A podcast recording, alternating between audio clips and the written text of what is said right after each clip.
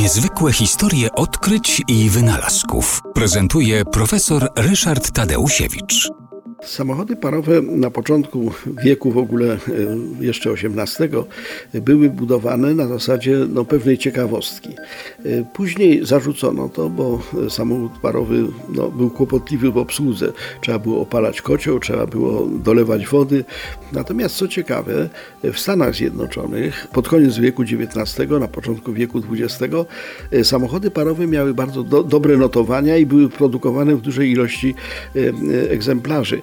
W Europie nie mieliśmy tego rodzaju zjawiska, natomiast na przykład w 1895 roku w Stanach Zjednoczonych wyprodukowano zaledwie cztery samochody spalinowe, zaledwie cztery.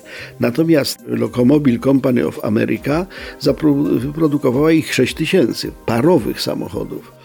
Samochód parowy, trzeba przyznać, y, miał swoje też zalety, y, dlatego że na przykład y, problem skrzyni biegów, który w każdym samochodzie sprawia kłopot, początkującym kierowcom też sprawia kłopot, no chyba, że ma się automatyczną skrzynię biegów. W przypadku samochodu parowego nie występował, dlatego że można było po prostu regulować dopływem paru i ten samochód mógł z równą łatwością jechać szybko, jak i wolno, rozwijać większą albo mniejszą moc na tej drodze. Bez tego silnik parowy jest łatwiejszy do sterowania od silnika spalinowego, stąd samochody parowe miały na początku, zwłaszcza w Stanach Zjednoczonych, gdzie nie było warsztatów naprawy, miały dosyć duże wzięcie. Tam były te duże bezdroża, prerie różnego rodzaju, takie, takie miejsca, gdzie, gdzie trudno było o stację benzynową.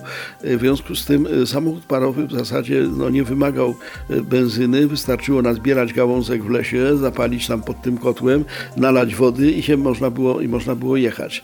Natomiast zużywał on tej wody bardzo dużo.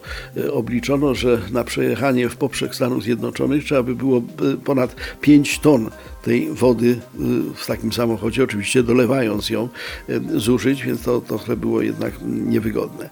W związku z tym także i w Stanach Zjednoczonych od samochodów parowych zaczęto odchodzić. Natomiast samochód parowy jeszcze na pożegnanie pokazał swoje możliwości został zbudowany specjalny samochód parowy do rozwijania bardzo dużych szybkości w Stanach Zjednoczonych. Ten samochód e, nazywał się Stanley Rocket i ten samochód e, jako pierwszy pokonał barierę 200 km na godzinę. No to była wtedy sensacja. Silniki benzynowe absolutnie takich możliwości nie dawały.